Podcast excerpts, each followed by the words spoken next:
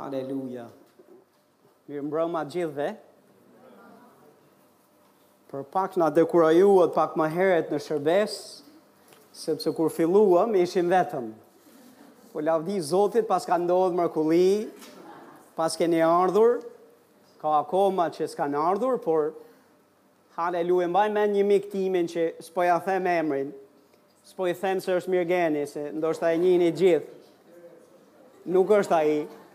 Unë mbaj mend kur ishim të rinj në besim në ato hapat tona të parë të besimit, luteshim edhe shumë herë luteshim gjithë natën. Kalonim kohë me Perëndin, e kërkonim fytyrën e Zotit, luteshim për Shqipërinë, luteshim për Për shumë gjëra, meqë ra fjala, besoj me gjithë zemër që shumica juaj këtu, për mos me thënë gjithë jeni frut i shumë lutjeve që janë bërë me vite, sepse asnjë prej nesh nuk ka ardhur tek Zoti rastësisht apo se e gjeti rrugën vetë dhe nuk ka, nuk është lutur dikush. Po mbaj mend që vllai im i bekuar lutej gjithë natën, edhe lutej gjithë natën dhe i thoshte Perëndisë, Të lutem që ti të më përdorësh që t'ju flas njerëzve për Jezusin, që të kenë mundësinë të dëgjojnë për ty, që të vijnë tek ti, bekoje ditën që kemi përpara, e lutej gjithë natën dhe kur vinte mëngjesi, ja fuste gjumit, se ishte lodhë gjithë natën, në lutje, zgjohej atje nga mbasditja. Edhe i thashë një herë, Mirgen, Sikur s'ka kuptim ti i kërkon perëndisë të ta bekojë ditën, ndërkohë që të zbardhë dita ti je në gjumë. Për pak sa s'mendova se një pjesë e juaja keni qenë në lutje mbrëmë gjithë natën, vajzat dhe dhe dhe gratë e kishës, një pjesë e mirë e tyre dhe shoh që të gjitha jeni këtu. E lavdi Zotit, po për pak nuk ju pashë dhe mendova se mos ka ardhur e njëjta E njëjta vajosje që është mbi vllanë tim. Haleluja. Zoti është i mirë, mirë se keni ardhur sot. A mund të ktheheni nga ai që ke anash dhe i thoni mirë se erdhe. Më pëlqeu, po ktheu edhe një herë nga ai që ke anash dhe thuaja pak më me buzëqeshje. Bravo, bravo, bravo. Në shpinë e Zotit Duhet të ketë gëzim, duhet të ketë hare, duhet të ketë njerëzit e Zotit duhet të jenë të lumtur. Amen. Pastor, po si mund të jem i lumtur nëse jam duke kaluar gjërat që po kaloj? Po pastor, po mund të jesh i lumtur kur ti e di se ke ardhur në prezencën e Atij që i zgjidh gjithë problemet. Ke ardhur në prezencën e Perëndisë së gjallë. Dhe Perëndia të cilit ne i besojmë është i gjallë edhe mirësia e tij zgjat për jetë. A jeni gati për fjalën e Zotit sot? E di, kisha shumë gjëra në zemrën time për të ndarë me ju sot, por dua që të flas nga zemra sot dhe ta lej Zotin që të më përdorë, të flasë ato gjëra që besoj do të jenë bekim për ju. Bekim për dikë që do të dëgjojë. Kështu që dua që pa humbur kohë të hapim fjalën e Zotit edhe le të shohim nga këtu se çfarë Zoti do të na flasë. Luka 24 Ungjilli i Lukës meqë ra fjala ne nuk kemi Asgjë për të predikuar nga vetja jonë, asgjë për të thënë nga fjalët mbushamendëse tona. Unë e di nga vi dhe e di se e di se çfarë aftësie kam për të për t'ju mbushë mendjen kujt. Dhe më lini pak t'ju them një sekret, mos ia thoni gjithëve. Po po jua them veç ju. Nuk ia mbush dot mendjen vetes, jo më t'jua mbush ju. Por, Njoh dikë.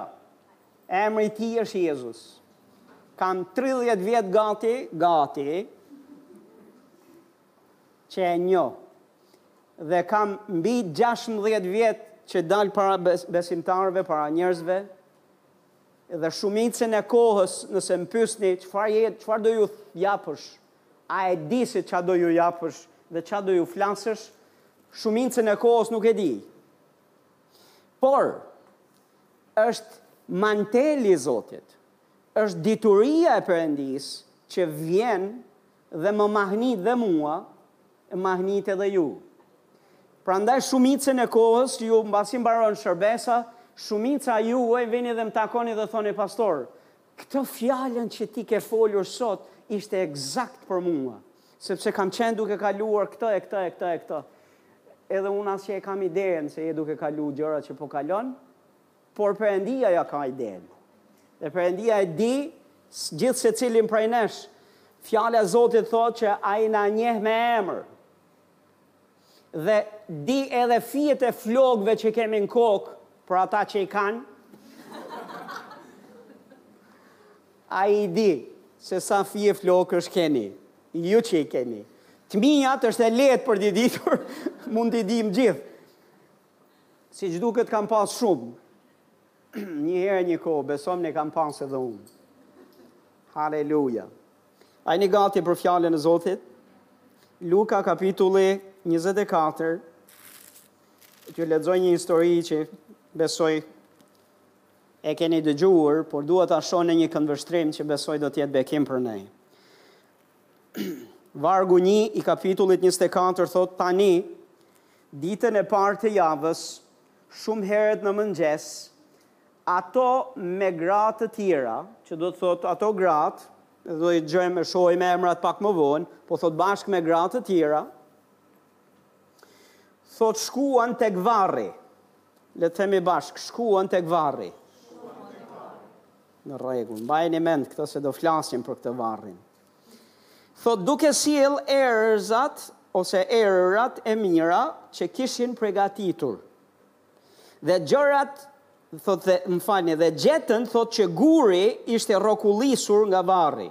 Sa për kulturë dhe dijeni, varrezat në atë kohë në Izrael nuk ishin si varrezat që ne jemi, i kemi tani në kohët tona, dikush i fut njerëzit në tokë, dikush i djeg, e i bën pluhur dhe pastaj i hedh në erë, Ka tradita e tradita, po tradita e Izraelit ishte e kësaj natyre, që kushdo që vdiste, do, do, do mbështillej me pëlhurën dhe rizën e, e vet, do vajosej trupi, në mënyrë që të mos kalbej shpejt dhe të mos merrte erë, mos merrte erë të fortë kundërmuese kur kalbet trupi, Dhe do merrej dhe futej në një guvë ose në një shpellë, ishte, e tillë ishte, ishin varret e, e Izraelit.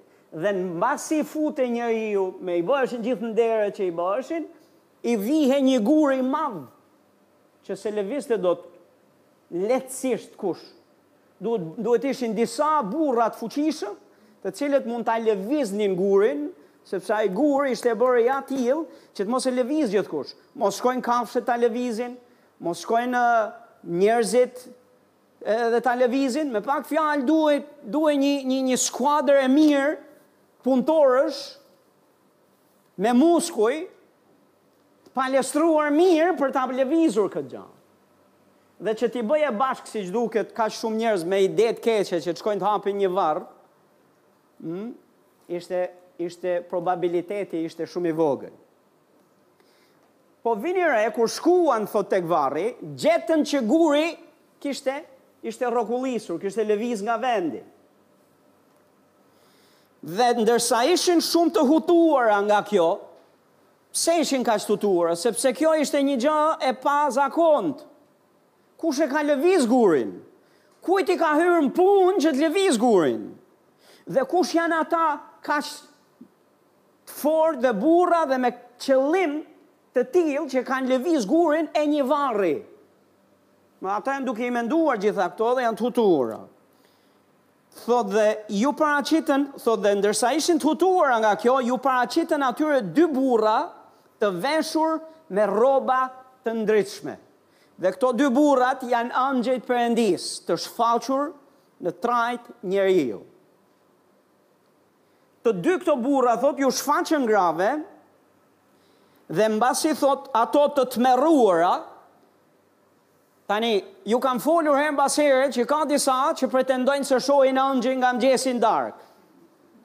Po besoni që ëngjëjt e Zotit po t'i shohësh dhe mund t'i shohësh, nëse Perëndia do që ata të shfaqen dhe ata shfaqen kur duan vetë dhe kur do Perëndia, po ka njerëz që kanë parë ëngjëj dhe ëngjëjt janë shfaqur, ne nuk mund t'i lutemi Perëndisë të na shfaqen ëngjëj.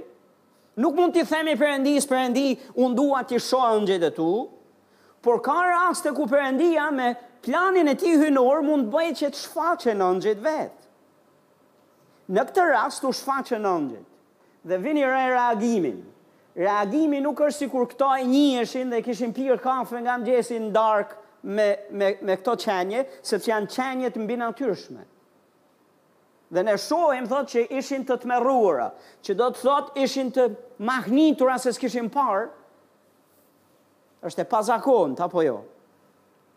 Dhe çfarë thotë? Thotë dhe mbasi ato të tmerruara mbanin fytyrën e përkulur thotë përdhe, ata u thanë, ëngjëjt thanë një gjë. Dhe iu thanë, pse kërkoni të gjallin midis të vdekurve? Le të themi bashkë, Pse kërkoni të gjallin midis të vdekurve? Për këtë dua të flas sot. Pse kërkoni të gjallin midis të vdekurve? Pse kërkoni të gjallin në varreza? Ky është mesazhi i ëngjëjve. Dhe vazhdon thotë, ai thotë, ata thanë, ai nuk është këtu, duke folur për Jezusin. Nuk është në varr. Por është ringjallur. Kujtoni si ju foli kur ishte ende në Galile, duke thënë se biri i njeriut duhet të dorëzohej në duart e njerëzve mëkatarë, duhej kryqëzuar dhe do të ringjallej ditën e tretë. dhe ato i kujtonin, thotë, fjalët e tij. Kur u kthyen nga varri, ato u treguan, thotë, të gjitha këto gjëra njëmbëdhjetë dhe gjithë të tjerëve. Thotë, ato që u treguan apostujve, apostujve këto gjëra ishin Maria Magdalena, këto ishin gratë, Joana, Maria, nëna e Jakobit dhe gratë e tjera thotë që ishin me to. Por këto fjalë atyre iu dukën si dokra. Dhe ata thotë nuk u besuan atyre. Dhe këtu dua të ndaloj. E di kur një njeri vdes, Ne e dimë se ndodhin ca gjëra, pushojnë, shuhen ca gjëra. Gjëja e parë që ne mendojmë është që është larguar nga kjo botë, është larguar nga kjo jetë. Ka pushuar së foluri, ka pushuar së dëgjuari, ka pushuar së ecuri, ka pushuar së ndjeri. As nuk qesh, as nuk qan. ka pushuar së përqafuari, së prekuri, së jetuari me pak fjalë. Kur një njeri vdes, është më se normale që ta marrësh trupin dhe ta çosh mes jo të gjallëve, po ta çosh mes të vdekurve, sepse trupi është aty dhe e ka vendin mes tyre. A jeni duke dëgjuar? Dhe është krejtësisht normale Që të mendohet kështu dhe të veprohet kështu për një të vdekur. Tani ky i vdekur për të cilin jemi duke folur, kishte folur që më përpara se mbas tre ditësh unë do të ringjallem. Dhe kjo ishte gjë e jashtëzakonshme kur e dëgjuan. Shumë e vështirë për ta besuar, aq sa, vini re pak, janë njëmbëdhjetë dishepujt, njëmbëdhjetë dishepujt janë ata që e dëgjuan Jezusin ta thotë shumë herë se Ai do të shkonte në kryq, Ai do të ringjallej mbas tre ditësh, Ai do të ringjallej mbas tre ditësh, Ai do të ringjallej mbas tre ditësh, jua kishte thënë më shumë se sa disa shumë herë që kjo gjë ka për të ndodhur. Biri i Perëndisë do të kryqëzohet, do të bjerë në duart e mëkatarëve, dhe ata e panë të kryqëzohet, e panë që të bjerë në duart e mëkatarëve, e panë që të vdesë në kryq, deri këtu ishin në rregull, kishte mbetur pa u përmbushur edhe ringjallja e tij. Dhe Bibla na thotë që kur ju erdhi lajmi i engjëjve, Përmes grave. Këta meqë ra fjala ishin njëmbëdhjetë burra. Të njëmbëdhjetë burrave iu dukën si dokrra fjalët e grave. Kështu që ju gra duhet të jeni të besueshme. Të keni integritet në të folurën tuaj.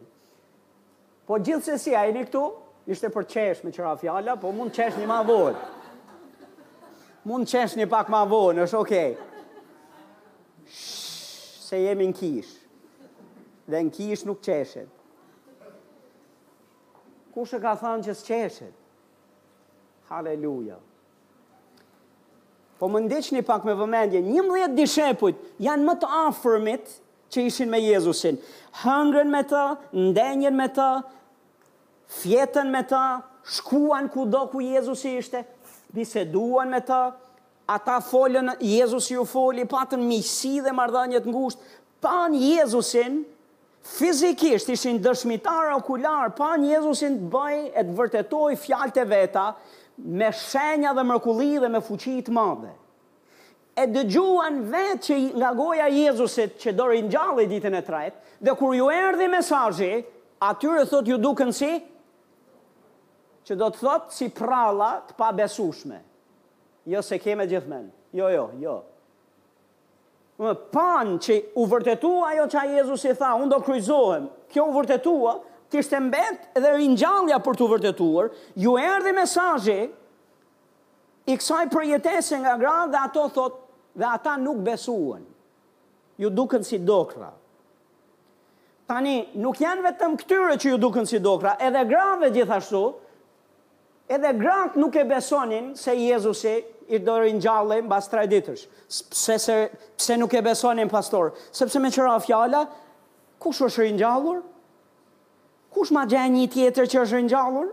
Dhe ka ardhur në këtë botë dhe vazhdon të jetojë? Kështu që ishte përtej koncepteve njerëzore, ishte përtej normales. Tani Jezusi kishte ringjallur njerëz vetë, Dhe ata e kishin parë, Jezusi ringjalli Lazarin mbas katër ditësh.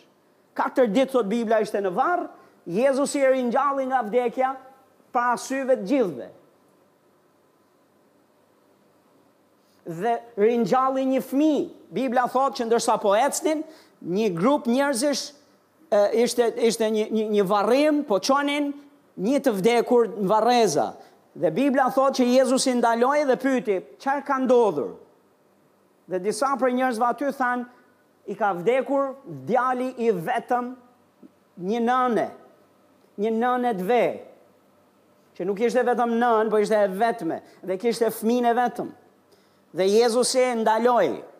Dhe Jezusi shkoi tek tek arkivoli i atij, e atij djali, e preku thot fjala e Zotit dhe fëmija u çua në këmbë. Dhe u restaurua u kthye tek. Kishin dëgjuar këtë gjë, po që Jezusi do të Mirë Jezusi ringjalli, po këtë kush ka për ta ringjallur? Okej, po besojmë se ringjallen njerëzit, se Perëndia bën mrekulli, Jezusi e bëri e pamë, po Jezusin kush do ta ringjallë? Jezusin E ringjalli vetë Perëndia. Megjithatë Bibla thotë që as do mund ta kuptosh se as gratë nuk kishin bes, nuk besuan. Pse ku e sheh pastor këtë gjë? E shoh sepse Bibla thotë që gratë kishin përgatitur erëza, vajra që bëheshin për të për t'i për t'ia hedhur trupit, për të lyer trupin e një të vdekuri. Që kjo gjë bëhej deri në 3 ditë. Sepse mbas tre ditësh, nëse mbani mend edhe për ringjalljen e Lazarit, kur Jezusi tha do të ringjallet, sepse ju tha atyre që nëse besoni, çdo gjë është e mundshme për atë që beson, se Jezusi e kishte ndërmend ta ringjallte prej vdekjes, reagimi i motrave të Lazarit ishte i tillë që ai ka tre ditë, ka katër ditë që është në varr dhe qelbet erë. Pse? Sepse ishte, kishte filluar dekompozimin trupi. Maksimumi tre ditë mbanin erëzat e para, ato vajrat e para që bëheshin për të vdekurin. Dhe kur donin të nderonin dikë shumë, shkonin mbas tre ditësh, i ribënin edhe një refresh, një rifreskim trupit, edhe për ca kohë. Dhe kjo ishte shumë e rrallë. Kjo nuk i bëhej çdo njeriu, kjo i bëhej një njeriu që ishte me shumë vlerë, me shumë peshë, një njeriu mundësisht të pasur a një njeriu me emër. Nuk i bëhej gjithkujt, sepse një s'ishin as mundësitë për t'ia bërë gjithkujt, sepse këto erëza ishin e vajra ishin shumë të kushtueshme dhe duhej një duhej një një teknikë shumë e veçantë që ti ti arrije t'i bëje gjitha këto. Dhe këto gra i kishin bërë erëzat gati dhe po shkonin ditën e tretë për të bërë çfarë? Po shkonin tek varri, po shkonin për të lyer me trupin e Jezusit me erëza dhe me vaj. Nëse ato do kishin besuar, nuk do ishin marrë fare me erëzat dhe me vajrat, sepse ato do e dinin që ditën e tretë ai do të ringjallet. Nuk ka nevojë për erëzat tona. Nuk ka nevojë për vajrat tona. S'ka nevojë që t'ia vajosim trupin që mos t'i kalbet sepse ai ka thënë që mbas tre ditësh do të ringjallem. Fakti që ato shkuan tek varri është nderuese dhe do t'ju flas pak më vonë për këtë pjesë. Shumë nderuese, shumë e vlerë dhe e çmuar në në në në në sytë e Zotit deri diku. Por ti shikon që gratë nuk besonin gjithashtu. Pse? Sepse nuk i mbanin mend fjalët që Jezusi ju kishte fol. Mbani mend ëngjëjt ju thanë, siç ai ju pati thanë. Dhe mbasi ju thanë ëngjëjt që do të ringjallej siç ju pati thanë, ato thotë kujtuan fjalët e tij. Më filluan të mendohen, Ej, po me vërtet ky Jezusi ka thanë që do të ringjallem. Pastor, po çfarë lidhje ka kjo ky mesazh Me ne që jemi ulur këtu sot dhe pikërisht me këtë kohë. Më le të të mësoj dhe të të them një gjë që besoj do të jetë bekim për ty. Jezusi është i gjallë. Pastor, Jezusi thash është i gjallë. Mbani mend ju thash i vdekuri, largohet nga kjo botë. S'ka më kontakt me këtë botë. I vdekuri nuk flet. I vdekuri nuk shikon. I vdekuri nuk dëgjon. I vdekuri nuk ndjen. I vdekuri nuk prek. I vdekuri nuk ec. I vdekuri nuk vepron. Po Jezusi po. Sepse Jezusi vetëm tre ditë ndenji në varr dhe Ai u ringjall dhe jo nuk janë dokra, Dhe jo nuk është një mesazh i pavërtetushëm që të besohet. Dhe unë dua të flas për disa prej eksperiencave dhe përjetesave të mia, sepse qëndroj para jush jo për t'ju përcjellë një mesazh për një fe të vdekur, një teori apo teologji njerëzish, Po qëndroj përpara jush me besim se jam duke ju folur për Perëndinë e gjallë, për Jezusin që vdiq, por që mbas tre ditësh edhe u ngjall dhe sot jeton. Engjëjt i thanë, i thanë grave, pse kërkoni të gjallin mes të vdekurve? Ai jeton. Ai është gjallë. Kishë e Zotit, gjaja më parësore në zemrën e Perëndisë dhe në zemrën e Jezusit është bashkësia me njerëzit. Është afria me njerëzit. Është miqësia me njerëzit. Jo shkputja, jo ndarja, jo distanca. Për shumë njerëz perëndia, perëndia është i vdekur në mendjen e tyre. Trajtohet si i vdekur. Shihet si i vdekur. I afrohemi sikur i afrohemi një varri apo i afrohemi një të vdekuri. Shumë herë njerëzit përpiqen përpiqen të sillen shkojnë tek në këtë lloj forme dhe për shkak se janë përpjek ta e kanë trajtuar në këtë mënyrë, varri gjithmonë bosh është sepse Perëndia nuk është në varr, Jezusi nuk është në varr.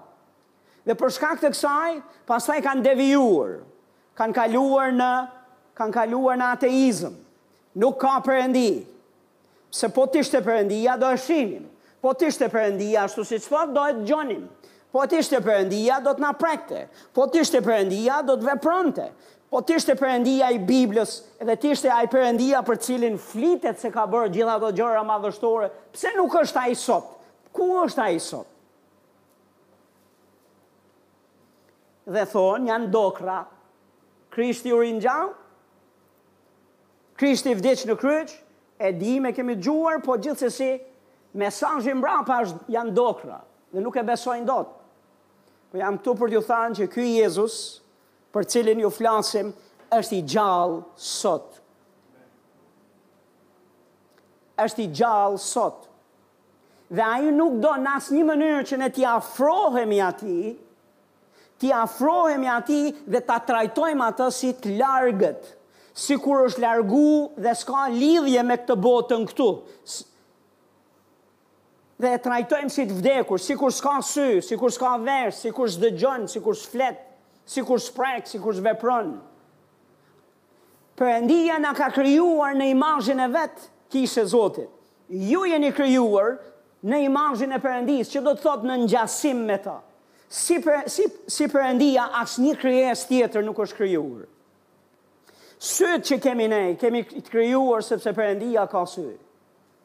Perëndia shikon, dëgjon, Gjitha gjëra shqisa që kemi ne, Perëndia i ka, përveç se Perëndia i ka të përkryera të pakorruptuara nga mëkati. Dhe Perëndia na i ka dhënë këto shqisa, komunikimi, njerëz të Zotit, të të ndjerit, ato që ka Perëndia në natyrën e vet për një qëllim, që të kemi bashkësi me të, që të kemi afri me të, që të kemi miqësi me të, që të ecim me të. Që të flasim me të. Që të jemi afër dhe partnerë në çdo hap të jetës, në çdo vendimmarrje të cilën e marrim, në çdo hap që hedhim. Perëndia do të jetë afër nesh dhe në asnjë mënyrë nuk i vjen mirë kur njerëzit e trajtojnë si të vdekur. Kur njerëzit e trajto, kur kisha, në mënyrë të veçantë, e trajton si të largët, e trajton sikur s'ka sy, sikur s'ka vesh, sikur s'ecën, sikur s'është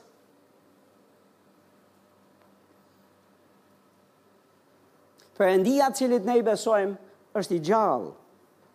Dhe ai do afri, do bashkësi me ne.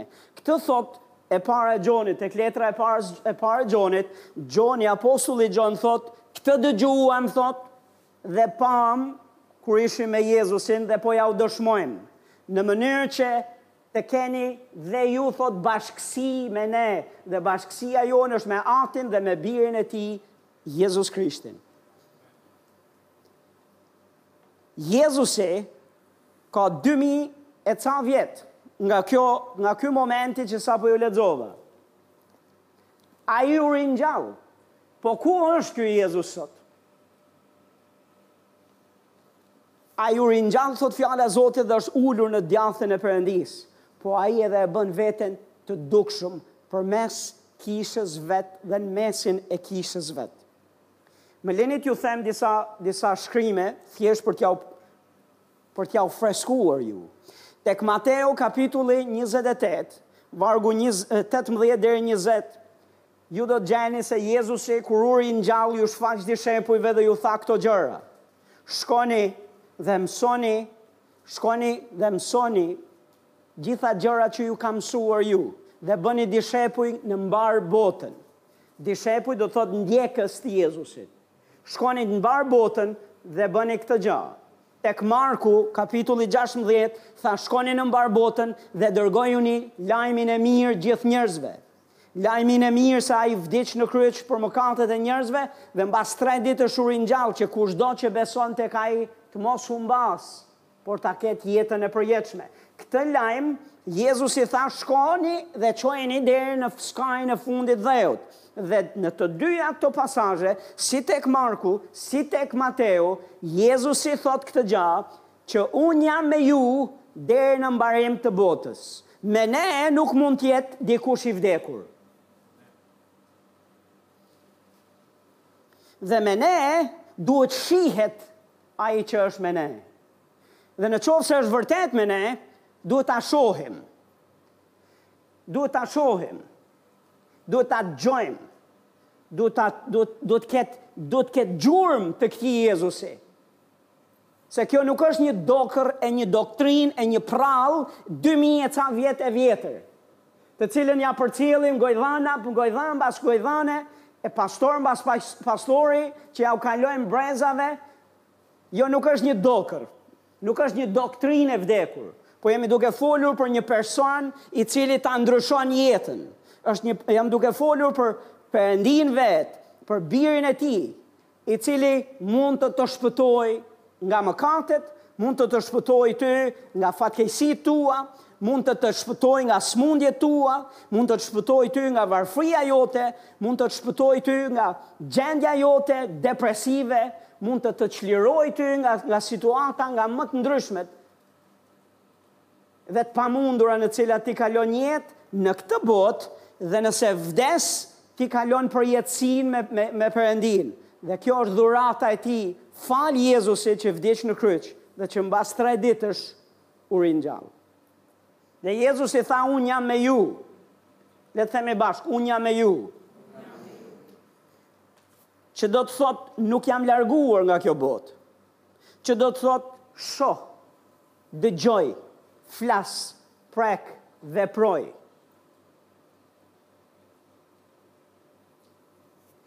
Gratë që shkuan tek varri ishin nderuse. Gratë po kërkonin Zotin dhe gratë gjithashtu ishin dhanëse, ishin bujare, sakrifikuse, Ku i dimë këto ne, sepse e shohim që po e kërkonin të gjallin mes të vdekurve ama po e kërkonin. Gjithashtu ne shohim që gratë kishin prega ishin dhanëse sepse kishin marrë kishin marrë nga nga nga ato erëza të cilat ishin të shtrenjta dhe të vështira për t'i gjetë e për t'i bërë gati, I kishin bërë gati për t'i çuar për të nderuar trupin e Jezusit. Ishin nderuse, sepse u zgjuan herët në mëngjes me misionin të shkojmë të lyejmë trupin e Zotit tonë, trupin e Jezusit, sepse nuk duam që ky trup të mbajë erë. A është kështu? E megjithatë, angjëjt e Zotit Edhe pse i panë gratë që bënë gjithë këto veprime, nuk është se u impresionuan nga bujaria e tyre, nuk u impresionuan nga kërkesa e tyre, nuk u impresionuan nga nderimi që ato patën, më shumë se sa i drejtuan dëgjesën që të besojnë fjalët e Jezusit dhe të besonin se Jezusi është gjallë. Dhe iu thanë, Pse e kërkoni të gjallin mes të vdekurve? Njerëz të Zotit, një nga gjërat që Perëndia nuk e do, dhe një nga urdhërimet e Tij është, që të mos kemi perëndi tjera, mos rendim pas perëndisht, perëndive tjera, dhe mos të bëjmë idhuj, aq më, aq më keq ta trajtojmë Perëndinë si idhull. Ta trajtojmë Perëndinë si, si, sikur është i vdekur, sikur është i, i pandjeshëm, sikur është, sikur nuk flet, sikur nuk sheh, sikur nuk, ve, nuk vepron. E di, mbaj mend një disa raste duke folur me ca miq të mi. Kur unë flas dhe iu them që Perëndia më foli, shumicën e rasteve më thonë ço, lëviz nga vendi. Si të foli? Ke fol me Perëndin? Lëviz nga vendi, kjo nuk ndodh. Perëndia të ka folur ty? Në kishën katolike, se kemi ca katolikë devotshëm ish, i kemi këtu, duhet t'jesh, që t'jesh shenjtor, ju e dini se ça duhet, ça duhet keni.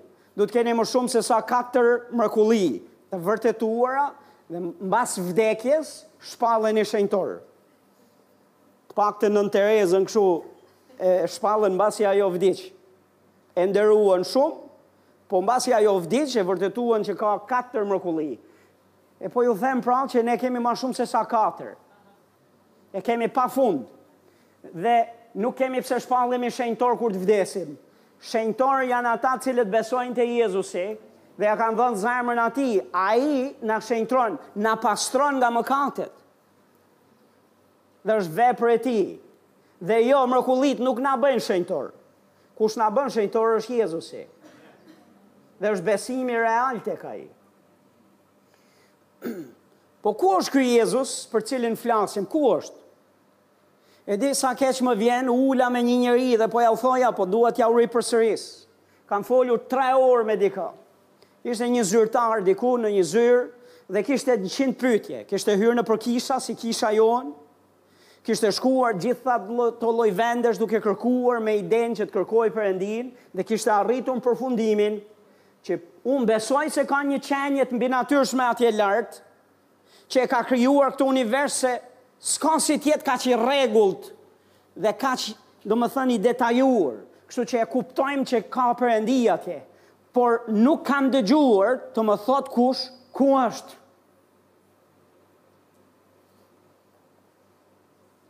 Ku është ai Perëndi i cili ka bërë ato gjëra që ka bërë që i lexojmë nëpër Bibla, i dëgjojmë nëpër kisha, sepse kudo ku kam shkuar, kam dëgjuar për Perëndinë çfarë ka bërë atëherë. Dhe thashë të lutem ke gjetë individin e duhur, tani duke folur me një i cili Mund të të flas ty net të gjata dhe të të tregoj që ky Jezusi për të cilin jam duke të folë, nuk është Jezusi që ka ndodhur, ka vepruar atëherë, por është Jezusi që siç ka vepruar atëherë, vepron sot e do të veprojë përjetë. Dhe më le të të flas Jo për teologji, po më le të të flas nga zemra për përjetesat e mia dhe për çfarë ka bërë Perëndia dhe çfarë bën dhe si më ka folur dhe ka vepruar Perëndia në jetën time. Me ju dua të ndaj disa disa prej këtyre historive.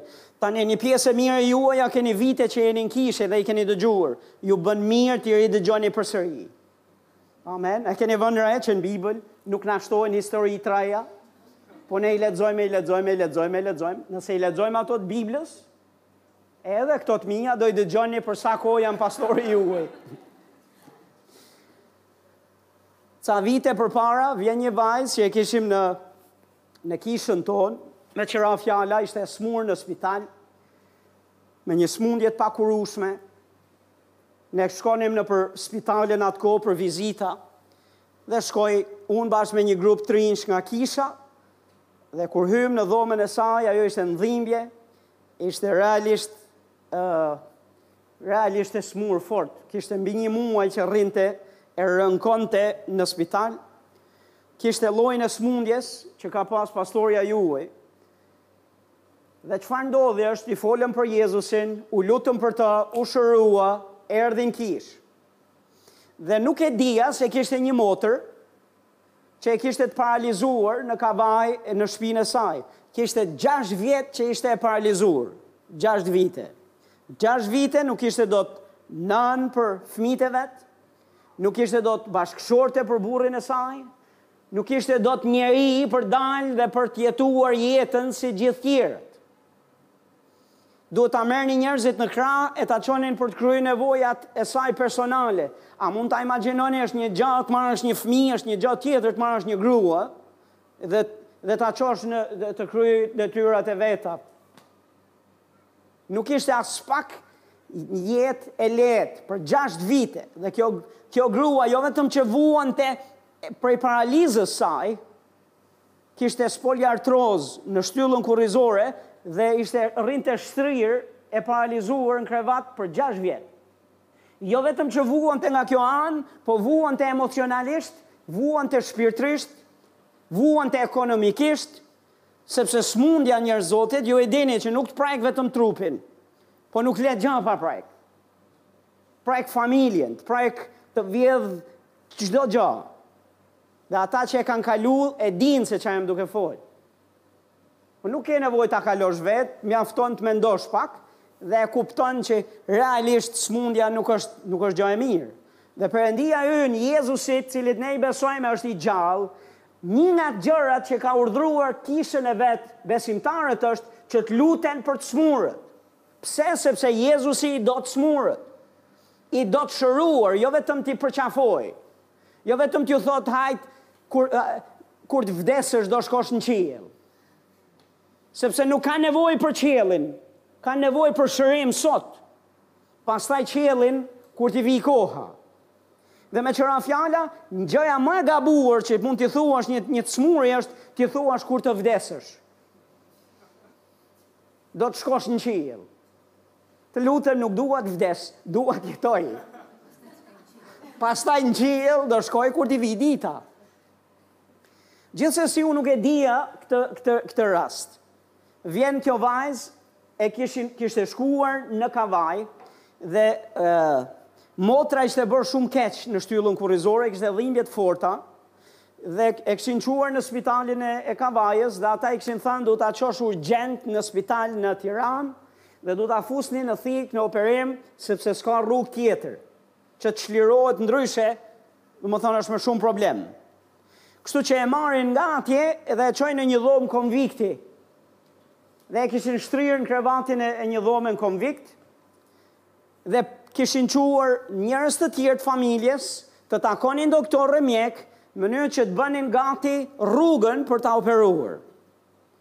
Ndërkohë ajo ishte në dhimbje, ishte në pritje që të shkonte në sallë të operimit. Kjo vajza që na vinte në kishë, që ishte shëruar, vjen dhe më takon dhe thotë, Fatmir, thotë, të lutem, kështu, kështu, kështu është situata, thotë, a mund të vish dhe të lutesh, thotë, për motrën time, sepse kjo është gjendja. I thashë, patjetër që do të vij. Dhe u çova, po dilja nga, nga kisha ku ishim, dhe po shkoja rrugës drejt konviktit.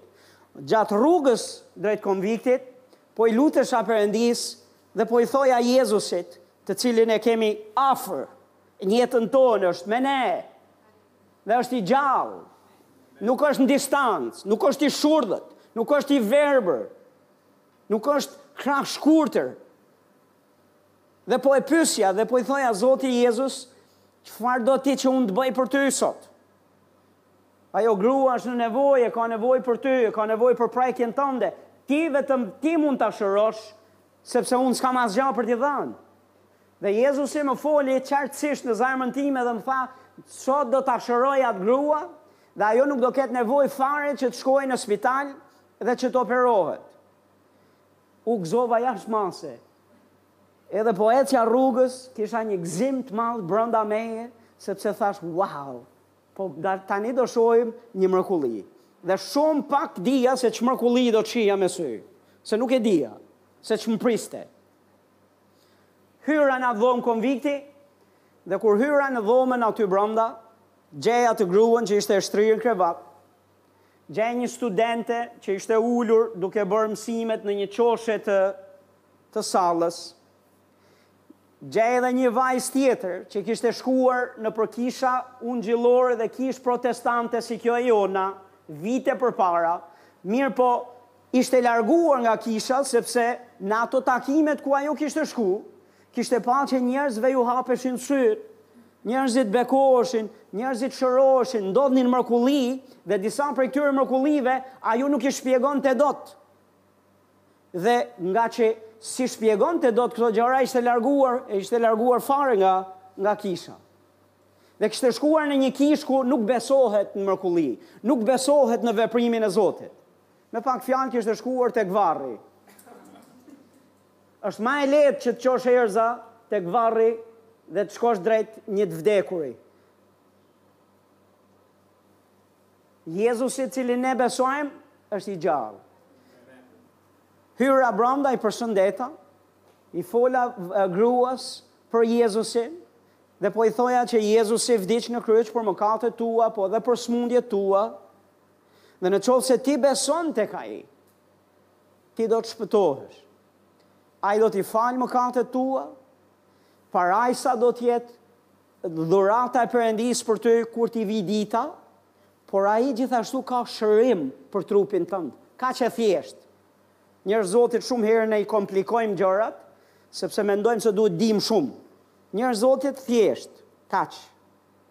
Dhe e pyeta, a do të lutem për ty dhe a do a do të besosh te ky Jezus? Tha po dua. Tani i kthehem asaj vajzës që ishte në qoshe të, që ishte ulur, studentes, dhe i them, a ke dëshirë të besosh ti? Dhe thot, jo, thot, unë s'besoj. Unë jam studente, jam e zënë, me, me studime. Me, të lutem, nuk kam kohë të merrem me fe. Dhe normalisht, as unë s'kam kohë të merrem me fe. E meqë ra fjala dhe është humbje kohe të merremi me fe. Meqë ra fjala kjo botë këtu në qoftë se ka naj gja që është duke e shkatrru dhe duke e dëmtu më shumë se çdo gjë tjetër nuk është asgja më para se sa feja dhe feja është duke e dëmtu në qoftë se shef ndër shekuj e ndër vite njerëzimi shumica e luftrave shumica e dameve i ka ardhur nga feja Po ne nuk besojmë, nuk jemi mbas fesë, jemi mbas personit, Perëndisë, mbas Jezusit, i cili thashë është i gjallë dhe që e provon se është i gjallë, me cilin flitet, i cili vepron sot e kësaj dite, nuk ka ngel në dokrrat e prallat e dy mijë e ca vjetëve përpara. Ai është i gjallë sot.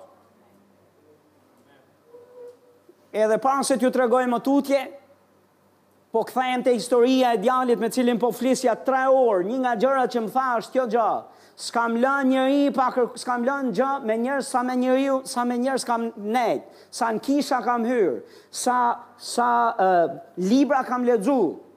Po nuk më rezulton se ky Perëndia flet sot dhe vepron sot. I thashë lutem, më le t'i tregoj ca dëshmi unë, Dhe pastaj shife a ekziston, a është i vërtetë apo jo. Dhe mbasi i thash nja dy tre dëshmi jo ma, mbeti pa pa fjalë. Më tha ti qenke fatlum. Thash është e vërtetë që jam fatlum, e kam emrin Fatmir me gja fjala. Jo fatlum.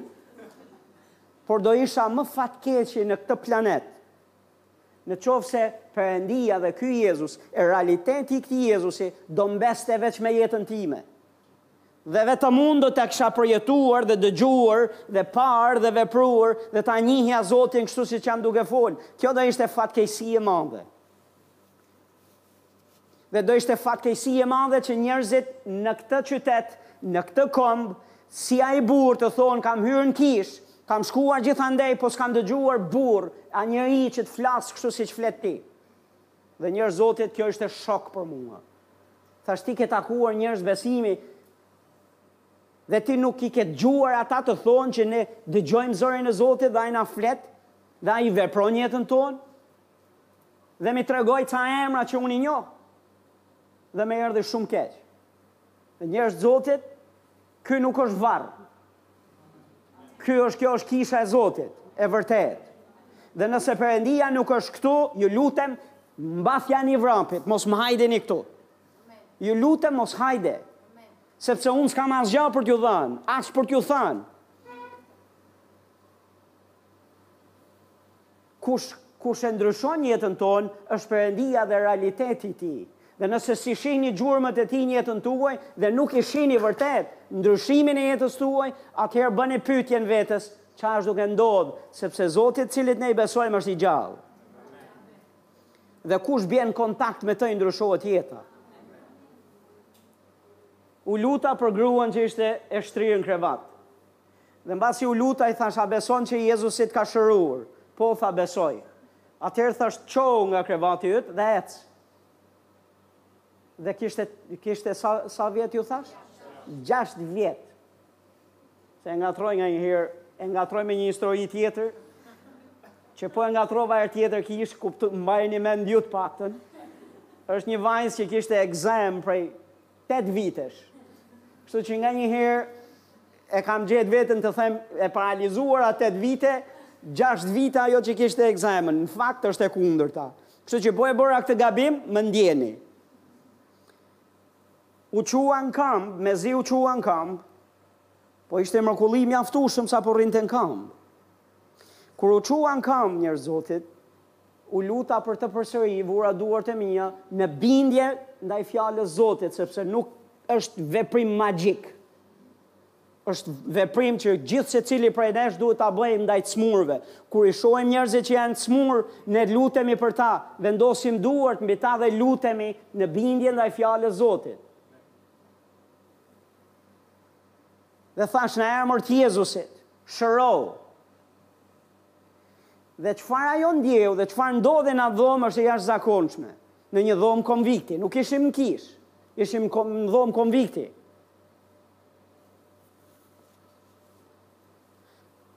Ajo ndjeu në gjithë shtyllën kurrizore të saj, ndjeu si zjarr, fuqia e Zotit erdhi në trupin në shtyllën e saj kurrizore dhe po e ndjente. Ishte hera e parë për ta, e para dhe për mua në atë formë.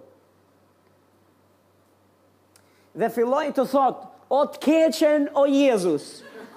Sepse kjo ishte mënyra e saj për të, për të thënë falemnderit Jezus. Falemnderit Zot për shërimin tënd. Dhe po i thoshte motrës vet që ishte ishte në këmbë dhe po qante nga gëzimi. Po i thoshte Kujtime! Po shërohem! Po shërohem! O të keqen o Jezus! E po bërtiste me sa zë, me sa zë kishte. Nëse do ta dish pse këndojmë në kishë, është se Zoti Jezus na e ka ndryshu jetën. Prandaj edhe e ngremë zërin dhe themi ngrije zërin lart, sepse na e ka ndryshu jetën. Dhe kur e ngremë zërin, jo se s'dëgjon ai. Amen. Dhe ka nevojë që t'ia ngrejmë zërin ne se të shkojë zëri deri te ai. Se ai është këtu në mesin tonë. Po kemi zemrën. Amen. Kemi pasion për Zotin, kemi dashuri për Zotin. Dhe kjo shihet edhe në mënyrën si si si këndon, në mënyrën se si vepron, ça bën për të. Gjithsesi çfarë po ndodhte është kur erdhi fuqia e Zotit mbi këtë gruan, Vajza që kishte shku në kishat tona, që ishte larguar nga kisha, nuk e preku njeri, po fuqia e Zotit zbriti mbi trupin e saj dhe ajo ra për tokë. Pa e prekur njeri. Pse? Sepse ishte fuqia e Zotit në atë vend. Tani ju mund thoni, pastor, po ça është kjo, pastor? Si rrëzon Zotit njerëzit për tokë? Ça është ky lloj Zoti? Pastor? Jua kam thënë, Perëndia jonë është i fuqishëm. Kur të shkojmë në qiell, do na duhet një trup tjetër që të rrimë në prezencën e tij, sepse ky trupi këtu do kthehet në tokë, është i paaftë për të ndenjur e për të rezistu fuqisë së Zotit. Prandaj do të na duhet një trup i ri. Dhe Perëndia i jep trup të ri, frymor, të aftë me nejt në prezencën e tij. Njerëzve që shkojnë e takojnë ato. Dhe ju kam thënë, është njësoj tashi me thënë, shko futi gishtat në prizë dhe pastaj do të bëjmë pyetjen, pse dridhet ky? Pse përplaset, pse rrëzohet ky? Sepse është në kontakt me fuqi. Dhe kur fuqia e Zotit vjen, ka dis ka lloj-lloj manifestimesh të tija. Po secila prej manifestimeve të tij i bën mirë njeriut. Ia ndryshon jetën për mirë.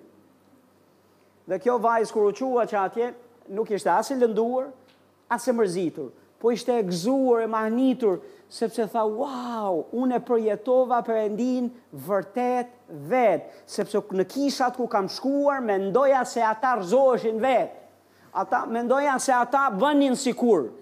Po tani që tani që Perëndia ma dha vetë këtë përjetesë, dhe ishte shumë e gëzuar.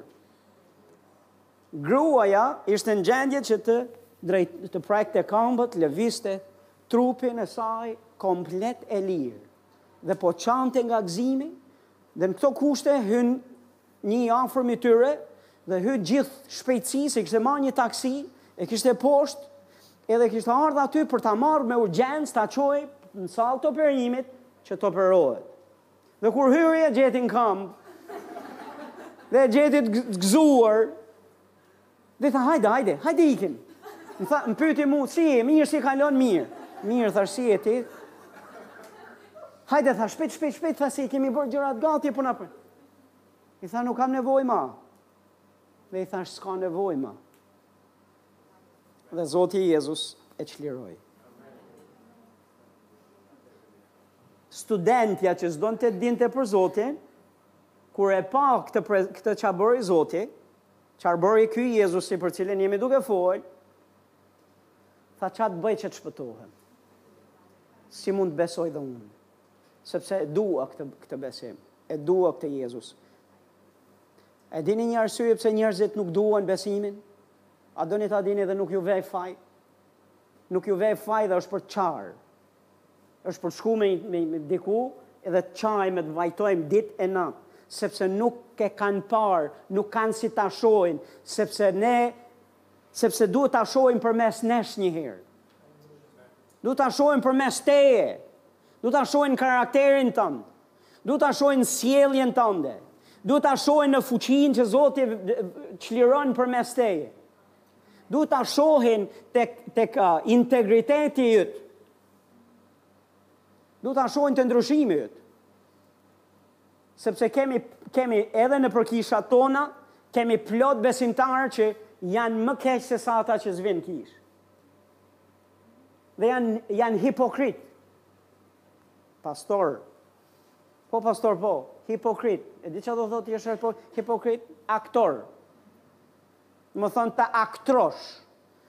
Nuk është vërtet reale për ty ajo gjë që aktron, ti nuk je ai personazh, po ti luan rolin sikur. Dhe ke plot që luajnë rolin sikur besojnë, luajnë rolin sikur duan Zotin, luajnë rolin sikur kanë miqësi me Perëndinë, luajnë rolin si prandaj nuk shihet Perëndia në jetën e tyre. Po besomni, nëse do Zotin me gjithë zemër, dhe je në këtë afrimitet do të duket. Do të shihet. Do ta shohin të gjithë. Vite përpara kur besova te Jezusi, shkova gjithë gëzim në familjen time me idenë, më ndryshoi zemra, më ndryshoi jeta. Isha kaq i gëzuar, shkoj drejt në shtëpinë time, thashë t'ja ta ndaj këtë gëzim me ta. Dhe ju them, kam besuar te Jezusi. Dhe sa ju thashë kam besuar te Jezusi, ishte sikur kisha thënë dikush vdiq. Dhe nga ajo kohë për të paktën nja tre muaj të mira, Kam pas një përndjekje të paparë, nuk më linin të lexoja Biblën, nuk më linin të shkoja në kishë, nuk më linin të bëja shumë gjëra, sepse isha ndryshe nga rryma e besimit tyre. Dhe ishin kaq shumë uh, të irrituar me mua, sa që kanë përdorë çdo lloj metode e mënyre, që nga dhuna e deri tek uh, përdorja e marifeteve me me kujdes për të më bërë të kthej rrugë. Dhe mbasi e panë që nuk kthej rrugë, më nxorën prej shtëpie. Dhe thanë ti nuk do jesh më fëmija ynë. Dhe isha 16 vjeç kur më kanë nxjerrë prej shtëpie dhe në mes dimrit. Dhe nuk e dija ku do flej, nuk ku do ha, e çka do ndodh me mua, veçse thash këtë gjë, bes Jezusin nuk e mohoj dot. Gjithçka mund të ndodh, po Jezusin nuk e mohoj dot. Sepse është i vërtetë. Dhe unë nuk mund t'i them që nuk është i mirë, nuk është i dashur, ai aq shumë na deshi ne sa vdiq në kryq, nuk vdiq për vete, vdiq për ne, vdiq për njerëzimin. Dhe familjarët e mi, vetë familja ime që më përndiqte, kanë përjetuar mrekullitë e Zotit më vonë dhe duke i përjetuar ato kanë parë që, hej, besimi i këtij djali Duhet nderu, sepse nuk është, nuk është, nuk është i çmendur. Dhe t'ju them ca prej këtyre mrekullive. Shkoj një herë në shtëpi edhe mbyllet, mbyll, mbyllim dyrët e makinës. Kisha një makinë Benz nga ata të vjetrit, që i, i kanë pas dyrët shumë të rënda. Kështu që mbyllen dyrët dhe kur mbyllen dyrët, dëgjoj zërin e nanës time duke bërtit me sa forcë kishte. Dhe kur shkoj e shoh që i kishte ngel dora në derë. Kishte mbyll derën, dhe i kishte ngel dora brenda. Hapim derën dhe kur e shof i shikoj të gjithë gishtat, vetëm lëkura i kishte ngelur, sepse kockat ishin shtypur, ajo ishte zverdhur, zbardhur e gjitha, në dhimbje, të paparë gati për t'i rënë të fikët. Sa i kam pa dhe i i pash ato gishta, e kam marrë dorën dhe thash nanë mos u mërzit, çdo gjë do të jetë mirë. Mos u shqetëso, në emër të Jezusit shërohu. E hoqa dorën, gishtat i kishte perfekt. As dhimbje, as shenjë, kockat në vend, lëkura e padëmtuar dhe vetëm thoshte, Wow! Dhe mrekulli të tilla kanë ndodhur në familjen time, pastaj ata, nana ime që ka qenë një nga përndjekëset e mia, tani kur dëgjon se dikush është sëmurë a është në nevojë për lutje, thotë Fatmir, a mund të lutesh me nanën për këtë, a mund të lutesh për atë, a mund të shkojmë këtu. Dhe gjithë njerëzit e fisit dhe njerëzit e afërm kanë dëgjuar për mirësinë e këtij Zotit Jezus, për të cilin jam duke folë, sepse ai është, është i mirë. Do t'jua ndryshojë jetën njerëzve. Ca vite më vonë, nana ime, gjyshja i bie, nana e babait, shkoj në shpi, kur shkoj në shpi për vizitë, më thotë mami, thotë, ka dy javë nana thotë që është në shtrat. Mjekët kanë thanë, janë minutat e fundit, as nuk ha as nuk pi, ka rënë në gjendje kome dhe tani kanë ardhur gjithë fisi, ngado vijnë për t'i bërë ato nderimet e fundit për ta parë dhe për ta përcjellë nga kjo jetë. Më thotë Fatmir, thotë do vish ta shohësh dhe të lutesh pak për të. Thashë patjetër që do vij, me nanën time shkojmë drejt tek gjyshja. Kur shkojmë tek tek shpia, dhoma ishte plot me njerëz. Nanën e kishin mbuluar me jorgane, me batanije, ishte në gjendje kome, as nuk merrte, as nuk jepte. As nuk hante, as nuk pinte fare. Më ishte në ato minutat e fundit. Meraku im ishte që të mos shkojë nga kjo jetë pa besuar te Jezusi. Sepse Bibla thotë që nëse dikush vdes me mëkate të pafalura, do të japë llogari dhe do paguajë në jetën tjetër, dhe nuk do t'i falen mëkatet nëse nuk ka besuar te Jezusi në këtë botë. Dhe unë e di këtë gjë dhe Bibla thotë që një njeri që vdes me mëkate të pafalura nuk shkon te Perëndia, por shkon në një vend të tmerrshëm që quhet ferr. Dhe unë nuk doja që nana ime, gjyshja ime të shkojë atje. Dhe doja që t'i flisja për Jezusin, po si t'i flas për Jezusin në kushte kur ishte ishte mbushur plot dhoma dhe në kushte kur ajo ishte tashma e vdekur se ishte në gjendje kome. U largova që aty sepse s'kisha si t'i flisja. Dhe kur u largova që aty për të shkuar në shpi, erdhëm në shpi me gjithë Silvën, pastoren, gjithashtu edhe Mondin bashkë me Inën, motrën e Silvës, të të katërt, u lutëm, dhe u lutëm që ajo, ajo nanë mos vdes pa dëgju ungjillin, pa besu te Jezusi. Atë natë në orën një a një e gjysëm të natës, po flinim gjumë, bie zilja e telefonit. E hap telefonin dhe thotë nga ana tjetër ishte mami im. Dhe thotë Fatmir, thotë nuk i beson, nuk, nuk e, po e besojmë dot se ça jemi duke dëgjuar dhe ça jemi duke parë. Jemi me nanën, thotë këtu, thotë te krevati i saj, ka tre herë që vdes, tre herë që largohet dhe i pushon zemra, thotë dhe kthehet përsëri. Vdes kthehet përsëri dhe sa herë që kthehet thotë Fatmir hajde më ndihmo Fatmir dua Fatmirin që të vijë dhe të më ndihmojë dhe tha nuk dimë se ça të bëjmë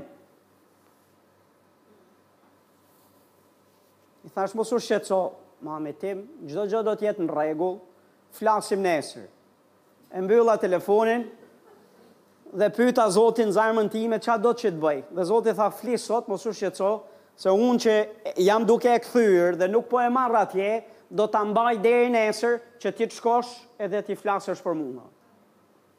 Fleta gjumë i qetë, sepse e dija që Jezusi është në këtë histori. E ka dëgju këtë, këtë lutjen tonë dhe nuk po e merr, nuk po e le që t'i ndalojë jeta pa ta. Të nesërmen mbarova ca punët e mia, nga ora njëmbëdhjetë e gjysmë shkoj tek shtëpia e nanës. Dhe kur shkoj atje, sa hyra atje kishin marrë vesh gjithë familja, gjithë njerëzit e dinin atë ça kishte ndodhur dhe e dinin që do vija unë. Kështu që sa shkova unë dolën gjithë jashtë. Përveç ë përveç një halle time, që ka punuar si infermiere me vite. Ajo rrinte e ulur në në dhomë dhe i them hallë, si je, a je mirë? Thotë, jam mirë. I thash, si është nana? Tha, ça të të them tha për nanën? Tha, unë tha kam një jetë që ça s'kam pa me sytë në, në, në, në, në spitale. Kjo tha e ka temperaturën 33 gradë. tridhjetë e tre gradë tha dhe e ka me orë të tëra, po kur shkon e prek është e ftohur nga gjitha gjërat, po ajo duket se është është gjallë. Thotë se i punon zemra. As nuk flet, as nuk vepron, nuk bën asgjë, thotë po është e dukshme që është aty. Thotë dhe me çfarë di un, ajo duhet të kishte vdekur herët.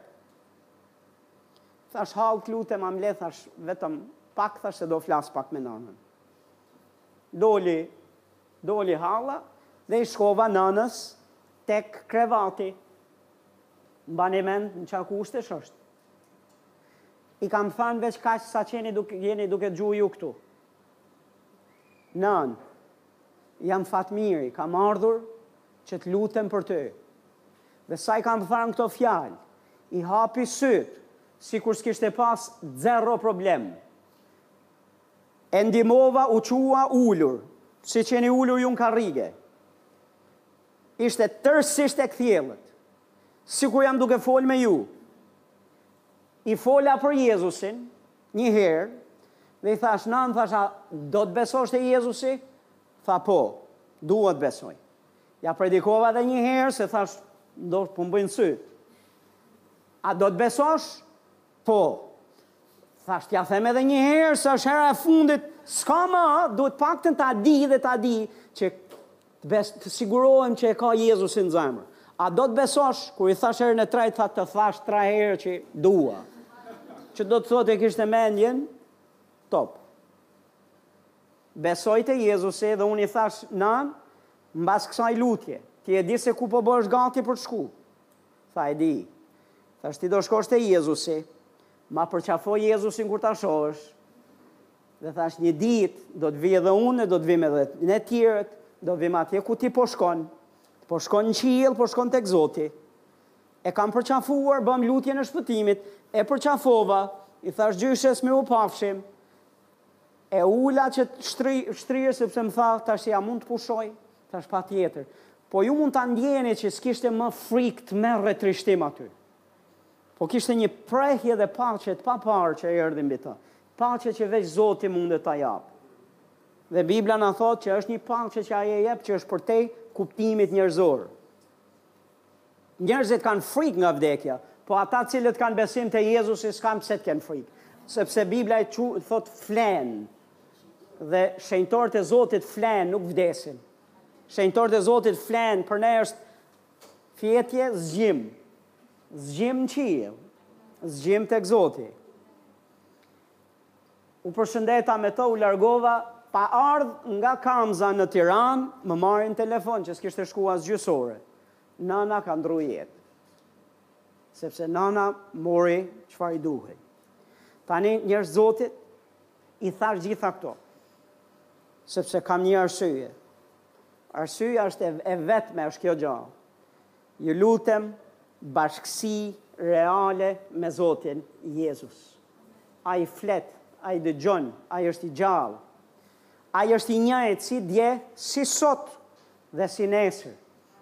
Feja e çon Perëndinë gjithmonë në të dje, në të djeshmen edhe në të ardhmen, po asnjëherë e djeshmja dhe e ardhmja nuk bashkohen kurrë. Ka dy mijë vjet që flasin për Perëndinë e atëhershëm dhe Perëndinë që do të vijë një ditë. Po ku është sot? Po besimi i vërtetë sjell Perëndinë sot, beson sot. Dhe njerëzit kanë nevojë sot për për Perëndinë, për dashurinë e Tij, për prekjen e Tij, për shërimin e Tij, për shpresën e Tij, për mirësinë e Tij. Dhe na ka zgjedhur ne Njerëzve vetë na ka shpëtuar ne do ta bëjë veten real ndaj nesh që ne ta përcjellim këtë mesazh tek të tjerët. Mos e kërkoni të gjallin mes të vdekurve. Mos e trajtoni si të vdekur, se është i gjallë. Dhe Zoti nuk ka nevojë për sakrificat tona dhe erëzat tona. Nuk ka nevojë njerëz Zoti për kërkimet tona dhe për nderimet tona pa pas këtë marrëdhënien me ta. Jo, jo, jo, jo, jo, ai do mbi të gjitha marrëdhënie me ta.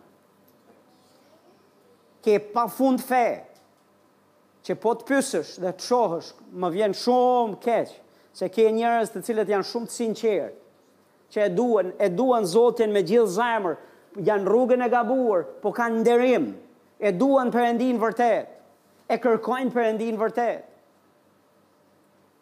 Edhe gratë e kërkonin vërtet. Po po e kërkonin mes të vdekurve sepse e mendonin dhe shihnin se është i vdekur dhe si i vdekur. Po njerëz Zotit ne jo. Dhe ne duhet t'ju prezantojmë njerëzve Jezusin e gjallë. Jezusin e gjallë. Ti më fol për prallat dhe dokrrat tua, unë do të flas për Jezusin tim. Dhe ti më fol për doktrina e më fol për teologjira, e unë do të flas për Jezusin tim, që më ka ndryshu jetën. Dhe unë po të them, Unë po të them që ai është real e i gjallë. Dhe nëse ia ka ndryshu jetën një djali që vjen nga një zonë e thellë e Kuksit, që s'kishte lidhje me besimin te Jezusi, as nga prejardhja familjare, as nga jeta ime, s'kisha naj shans apo mundësi për t'u taku me të dhe në gjendjen që ka qenë jeta ime të ma ndryshojë, dhe t'i projektojë gjithë këto gjëra, njerëz, Zoti mund ta ndryshojë jetën e kujtdo që zgjedh të besojë. Amen. A u bekuat sot? Haleluja. Shfaqe këtë Jezus në karakter. Shfaqe këtë Jezus ashtu siç Ai, ashtu si ti e ke dëgjuar dhe parë. Se njerëzit nuk kanë nevojë për dokra, Nuk ka nevojë për përralla, nuk ka nevojë për doktrina fallco, nuk ka nevojë për mashtrime. Një nga karakteristikat e Zotit tonë Jezus është që Ai nuk gënjen. Nuk mund të gënjejë. Çfarë Ai thotë, Ai e bën. Le të ngrihemi në këmbë. Haleluja.